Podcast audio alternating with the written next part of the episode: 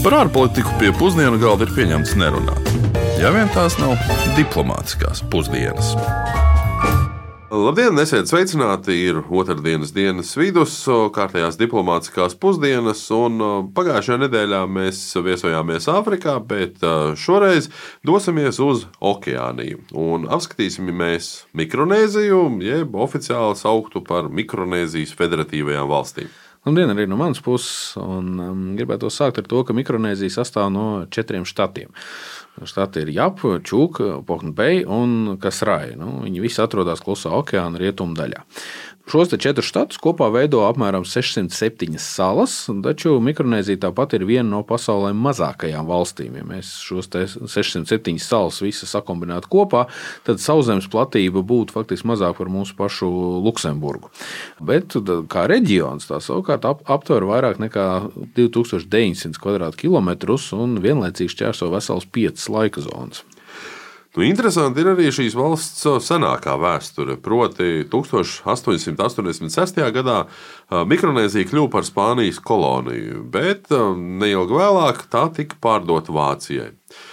1914. gadā Japāna pārņēma šīs salas savā kontrolē un faktiski okupēja līdz pat 1944. gadam. Tad amerikāņu spēki tās atkaroja, tā var teikt, vai sagrāva. Jā, un patiesībā jāsaka, ka Otrā pasaules kara laikā šīs salas bija viens no centrālajiem kaujas laukiem. Ja tā var izteikties, 1944. gada operācijā Hellstone bija masīvs ASV jūras spēku uzbrukums Mikronēzijā, un tas tika veikts kā daļa no amerikāņu ofensīvas pret Japānu. Un, starp citu, kas ir interesanti, tad mūsdienās savukārt Mikronēzija ir viena tikai no 22 pasaules valstīm, kurai nav pašai savas armijas. Nu, tā vietā ASV sniedz palīdzību palīdzību un ir atbildīgs par Mikronēzijas aizsardzību. Nu, neskatoties uz šo nelielo izmēru, Mikronēzija ir mājvieta visdažādākajām etniskajām grupām un valodām. Tas droši vien skaidrojums arī ar šīm 607 salām. Visā reģionā runā vairāk nekā 30 dažādās valodās, un šī daudzveidība ir palīdzējusi veidot ļoti unikālu Mikronēzijas kultūras identitāti. Un, To varētu raksturot gan ar dziļu saikni ar dabisko vidi, gan arī spēcīgu kopienas izjūtu. Bet ko par Mikronēziju zina stāstīt Rīgas ielās sastaptie iedzīvotāji? To tūlīt paklausīsimies. Ar ko jums asociējas Mikronēzija? Tas ir kaut kur okeānā, vai ne? Droši vien kaut kāda salu valsts. Tā īstenībā tā neatceros no geogrāfijas, bet nu, saule, turisms arī. Nu, tas arī būtu viss. Tā varētu būt kāda salu grupa. Tur varētu būt apkārt vāļi, delfīni, peldētu, korāļi, silts. Oh, par tādu es neesmu dzirdējusi. es pilnīgi godīgi teikšu, es domāju, līdz šim, ka tas ir apgabals, nevis valsts. Līdzīgi kā okeānija. Tā tad nekuriene, okeāns, mazas salas, atoli. Es minēšu, vai no turienes nebija, es saku, domāju, vai no turienes nebija pirmais pirmais klimata bēglis. Es neatceros, bet kaut kas tāds man nāk galvā. Mikronēzijas federatīvās valstis ir pazīstamas ar savām skaistajām pludmalēm, dziļiem ūdeņiem un, kā jau minējām, unikālo kultūru. Tomēr viena no mazāk zināmajiem faktiem ir tas, ka tai ir 14. lielākā ekskluzīvā ekonomiskā zona pasaulē. Ekskluzīvā ekonomiskā zona, tie, kas varbūt ar šo nezina, ir jūras zona, kas stiepjas no valsts krasta līnijas. Un šajā zonā valstī ir īpašas tiesības un jurisdikcija attiecībā uz jūras resursu izpēti un izmantošanu, tostarp arī nozveju, naftas un gāzes izpēti un citām saimnieciskajām darbībām. Un Mikronēzijas gadījumā ekskluzīvās zonas platība ir aptuveni 2,9 miljoni km2. Nu, salīdzināsim sauszemes teritoriju 2,9 tūkstoši km2 un šeit 2,9 miljoni km2 jā, šī plašā jūras zona ir bagāta ar jūras resursiem, tostarp zivju, naftas, gāzes rezervēm, arī minerāliem. Un tā valsts valdība tāpēc ir ieviesusi īpašu politiku, lai nodrošinātu šo resursu ilgspējīgu izmantošanu un pārvaldību, līdzsvarojot ekonomisko attīstību ar saglabāšanas pasākumiem. Jā, turklāt vēl jāņem vērā, ka Mikronēzijas ekskluzīva ekonomiskā zona atrodas strateģiskā vietā, Klusā okeāna rietumu daļā. Nu, tas padara valsts par nozīmīgu spēlētāju reģionālajā politikā un arī ekonomikā, nu, ģeoekonomikā. Valsts ir izveidojusi partnerattiecības ar kaimiņu valstīm un starptautiskām organizācijām, lai attiecīgi piesaistītu šos te, uh, savus resursus uh, šo valstu uh, ekonomiskajām interesēm un arī veicinātu reģionālo stabilitāti un, protams, arī sadarbību. Nu, šeit gan jāsaka, ka nereti ekskluzīvās ekonomiskās zonas tiek jauktas arī ar speciālajām ekonomiskajām zonām, kuru mērķis arī ir piesaistīt nu, labvēlīgāku vidi uzņēmēju darbībai. Un, bet kāpēc valstis tās veido? To mēs lūdzām detalizētāk pastāstīt doktoram Gunaram Bērziņam, kas ir biznesa vadības un ekonomikas dekāns, profesors un vadošais pētnieks Latvijas Universitātē, kā arī Latvijas Zinātņu akadēmijas korespondētāja loceklis.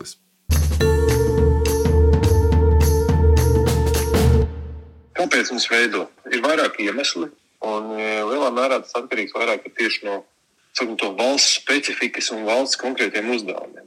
Pirmais ir piesaistīt tiešos ārzemju investīcijas. Tātad, kāpēc? Jo speciāla ekonomiskā zonā var radīt tādus nosacījumus, kurus valsts parasti nevar dažādu iemeslu pēc nevar realizēt visā pārējā valstī. Tad ir speciāli nodokļu režīmi, speciāli infrastruktūras projekti, kurus var nodrošināt kādā konkrētā vietā.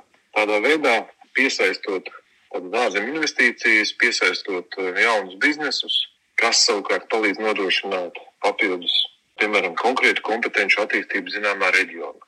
Tas palīdz nodrošināt darba spēku, piesaist un darba spēku piesaist, piemēram, augstu kvalificētu darba spēku piesaist kaut kādam konkrētai uzņēmējdarbības nozarei. Un, uh, faktiski tas palīdz veidot tādus lokālus ekosistēmas. Uzņēmums ekosistēmas, kur daudz uzņēmumu var vispirms mācīties viens no otra un nodarboties tieši ar šādu konkrētu, teiksim, jaunu biznesa attīstību. Valstis izrādās, ka šādas zonas var veidot arī pēc dažādiem nosacījumiem. Piemēram, vienā nosacījumā tas var būt speciāla zona, kas ir saistīta tieši ar geogrāfisko izvietojumu. Otrā gadījumā tās var būt valstis, kas ir saistītas ar, piemēram, zināmu tehnoloģiju attīstību. Tā, piemēram, Ķīnā netālu no Hongkongas ir izveidota Shenzhen speciāla ekonomiskā zona, kur ir faktiski lielākais IT sektora biznesa attīstības Ķīnā. Vai Brazīlijā ir speciāla ekonomiskā zona, kurā tiek attīstīta tieši biotehnoloģija ražošanas. Tātad tās ir nozares specifikā balstītas ekonomiskās zonas vai geogrāfiskā specializācija attīstības zonas. Vēl speciāls ekonomikas zonas var veidot, lai pārbaudītu dažādas ekonomiskās politikas konkrētās vietās, kur mēs varam nu, faktiski nelielā lokācijā pārbaudīt, vai mūsu jaunā nodokļu sistēma strādā, vai mūsu jaunā, piemēram, darbinieku apmācības sistēma strādā. Vēl ir interesantas speciālas ekonomikas zonas, kas nodrošina, piemēram, loģistikas biznesu. Līdz ar to, nu, piemēram, Dubajas ekonomiskā zona, kura tiek ļoti attīstīta tajā ziņā, ka viņi nodrošina ilgtermiņa sezonālo preču glabāšanu. Pie tam tur ir tāda specifika, ka piemēram, lidostas, muitas sistēma un kravu termināla, kas ir jūra kravu termināla sistēma, strādā vienotā nodokļu režīmā. Kā jau var noprast, Mikronēzijas ekonomika ir neliela. Tās pamatā galvenokārt ir naturālā lauksaimniecība, arī zvejniecība. Valstī ir ierobežoti dabas resursi un arī trūkst nozīmīgas rūpniecības. Valdība ir lielākais darba devējs valstī, un lielākā daļa iedzīvotāju strādā valsts sektorā. Privāto sektoru galvenokārt veido dažādi mazie uzņēmumi, nu, veikali, restorāni, ar turismu saistītas dažādas aktivitātes. IKP uz vienu iedzīvotāju līdz ar to ir aptuveni desmit reizes mazāks nekā Latvijā. Uh, tas ir virs, uh, tri, nedaudz virs 3000 eiro liels. Kā varat iedomāties, tad viena no nozīmīgākajām problēmām, ar ko saskaras Mikronēzija, ir tās attālums un faktiskā geogrāfiskā izolācija. Nu, valsts atrodas klusā okeāna rietumu daļā, tālu no galvenajiem tirgiem un transporta un loģistikas mezgliem. Un šī izolācija, protams, apgrūtina preču importu, eksportu un var radīt visnotaļ liels riskus pat uz tādu lietu kā pirmās nepieciešamības preču saņemšanu un, attiecīgi, arī izmaksām, tad, kad viņas tiek saņemtas. Nu, vēl viens nozīmīgs izaicinājums ir uh, lielā atkarība no ārējās palīdzības. Mikronēzija ir jaunatīstības valsts un saņem arī ievērojumu finansiālu atbalstu no dažādām starptautiskām organizācijām. apvienoto nāciju organizācijas, Pasaules bankas, arī citām donoru valstīm, piemēram, ASV un Ķīnas. Un, lai gan šī palīdzība ir bijusi ļoti svarīga valsts attīstībai, tā arī, protams, rada atkarību no šādas ārējās palīdzības. Nu jā, un šajā mirklī laikam jāpieķerās nedaudz arī politikai vai ārpolitikai konkrēti, jo gan ASV, gan Ķīna atstāja lielu ietekmi uz Mikronēzijas veidoto un īstenoto politisko kursu. Nu, viena no Mikronēzijas politikas iezīmēm ir tās brīvās asociācijas līgums ar Amerikas Savienotajām valstīm, kas parakstīts jau 1986. gadā. Saskaņā ar šo līgumu ASV nodrošina Mikronēzijas aizsardzības, ekonomisku un sociālo palīdzību. Savukārt Mikronēzija piešķira ASV ekskluzīvu tās zemes un ūdeņu militāru izmantošanu. Nu jā, šis brīvās asociācijas līgums ir palīdzējis faktiski Mikronēzijai saglabāt politisko stabilitāti un arī ekonomisko attīstību. Taču tas ir arī ierobežojis, nu, nu, ja tā var teikt, neatkarību un suverenitāti. Mikronēzijas ārpolitika lielā mērā tiek saskaņota ar Amerikas Savienotajām valstīm, un līdz ar to arī attiecības ar citām valstīm, īpaši jau šajā reģionā, bieži nosaka attiecības ar ASV. Pēdējos gados Mikronēzijas politika ir ietekmējusi arī visnotaļ daudz dzirdētā pieaugušā ģeopolitiskā konkurence starp Ķīnu un ASV Klusā okeāna reģionā. Jo tieši Ķīna pēdējos gados ir kļuvusi par nozīmīgāku ekonomisko partneri Mikronēzijai. Un, lai arī ASV joprojām ir lielākais tirdzniecības partners, Ķīna ir kļuvusi par nozīmīgāko investīciju un attīstības finansējumu palīdzības avotu. Un Ķīnas piešķirtās dotācijas un aizdevumi infrastruktūras projektiem, tostarp arī ceļiem un tiltiem tiltiem un ēkām ir kļuvuši par visnotaļ nozīmīgu klātesošo faktoru valsts attīstībai un izaugsmai. Nu jā, un Ķīna ir bijusi arī nozīmīgs eksporta tirgus, nu, īpaši jau zivju un citu jūras velšu produktu eksportam.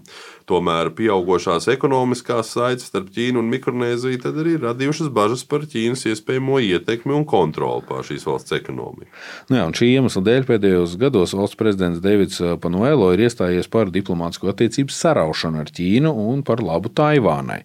Un prezidents Panuelo kā iemeslu ierosinātajai politikas maiņai minēja Ķīnas politisko karu pret Mikronēziju. Un šis solis ir izraisījis, protams, strīdus un diskusijas valstī, kā arī starp tās sabiedrotajiem un partneriem. Nu, noteikti arī jāpiemina, ka prezidenta Panuelo ierosināta ārpolitikas maiņa attiecībā uz Taivānu atspoguļo Mikronēzijas pozīcijas saskaņošanu ar Amerikas Savienotajām valstīm, ko mēs jau minējām iepriekš. Un, attiecīgi, ir visai labi nolasāms, ka Vašingtona ir paudusi bažas par Ķīnas ietekmes palielināšanos šajā reģionā. Lai cik būtu paēdis, vienmēr ir vieta arī desertam. Mikronēzijas kultūra, kā minējām, ir bagāta un daudzveidīga, un tradicionālās navigācijas metodes ir viens no aizraujošākajiem tās mantojuma aspektiem. Gadsimtiem ilgi Mikronēzijas iedzīvotāji ir izmantojuši savus zināšanas par zvaigznēm, vēja modeļiem un okeāna straumēm, lai pārvietotos pa plašām atklātām okeāna daļām. To teica dr. Kārlis Bukovskis, kurš pašlaik iziet apmācību kuģa vadīšanā. Nu, viens no ievērojamākajiem Mikronēzijas navigācijas aspektiem ir vietējo iedzīvotāju spēja orientēties, neizmantojot modernās tehnoloģijas, visādus GPS, kompasus un tā tālāk. Tradicionālajie Mikronēzijas navigatori, kas pazīstami vienkārši kā ceļu meklētāji, paļaujas tikai uz saviem novērojumiem, instinktiem, lai atrastu ceļu. Nu, ceļu noteikšanas metodes ir nodotas no paudzes paudzē caur mutvāru tradīcijām, un katrai paudzei balstoties savu priekšgājēju zināšanām. Un šīs zināšanas ir ne tikai praktiskas, bet arī ļoti garīgas. Un Mikronēzijas navigatori savus prasmes bieži uztver kā kopības veidu ar nu, dabisko pasauli, ar, dabas, ar dabu kā tādu. Un tas, starp citu, Mikronēzijas navigatori spēja noteikt uh, salu un atolu klātbūtni no liela attāluma, dažreiz pat 160 km attālumā, novērojot vienkārši viļņu lūzumus ap tiem. Nu jā, viens no galvenajiem um, mikronēzijas ceļu noteikšanas elementiem ir tieši zvaigžņu izmantošana. Um, jūrnieki spēja nolasīt zvaigžņu pozīciju, izmantot tās, lai noteiktu savu atrašanās vietu un virzienu. Un, protams, kā jau minējām, izmanto arī okeāna straumju kustību un vēja modeļus, lai pārvietotos pa atklāto jūru. Un vēl viens tradicionāls un mūsdienu, no mūsdienu viedokļa raugoties īpatnējs virziena noteikšanas aspekts ir tradicionāla navigācijas rīka, piemēram, nūjas diagrammas izmantošana.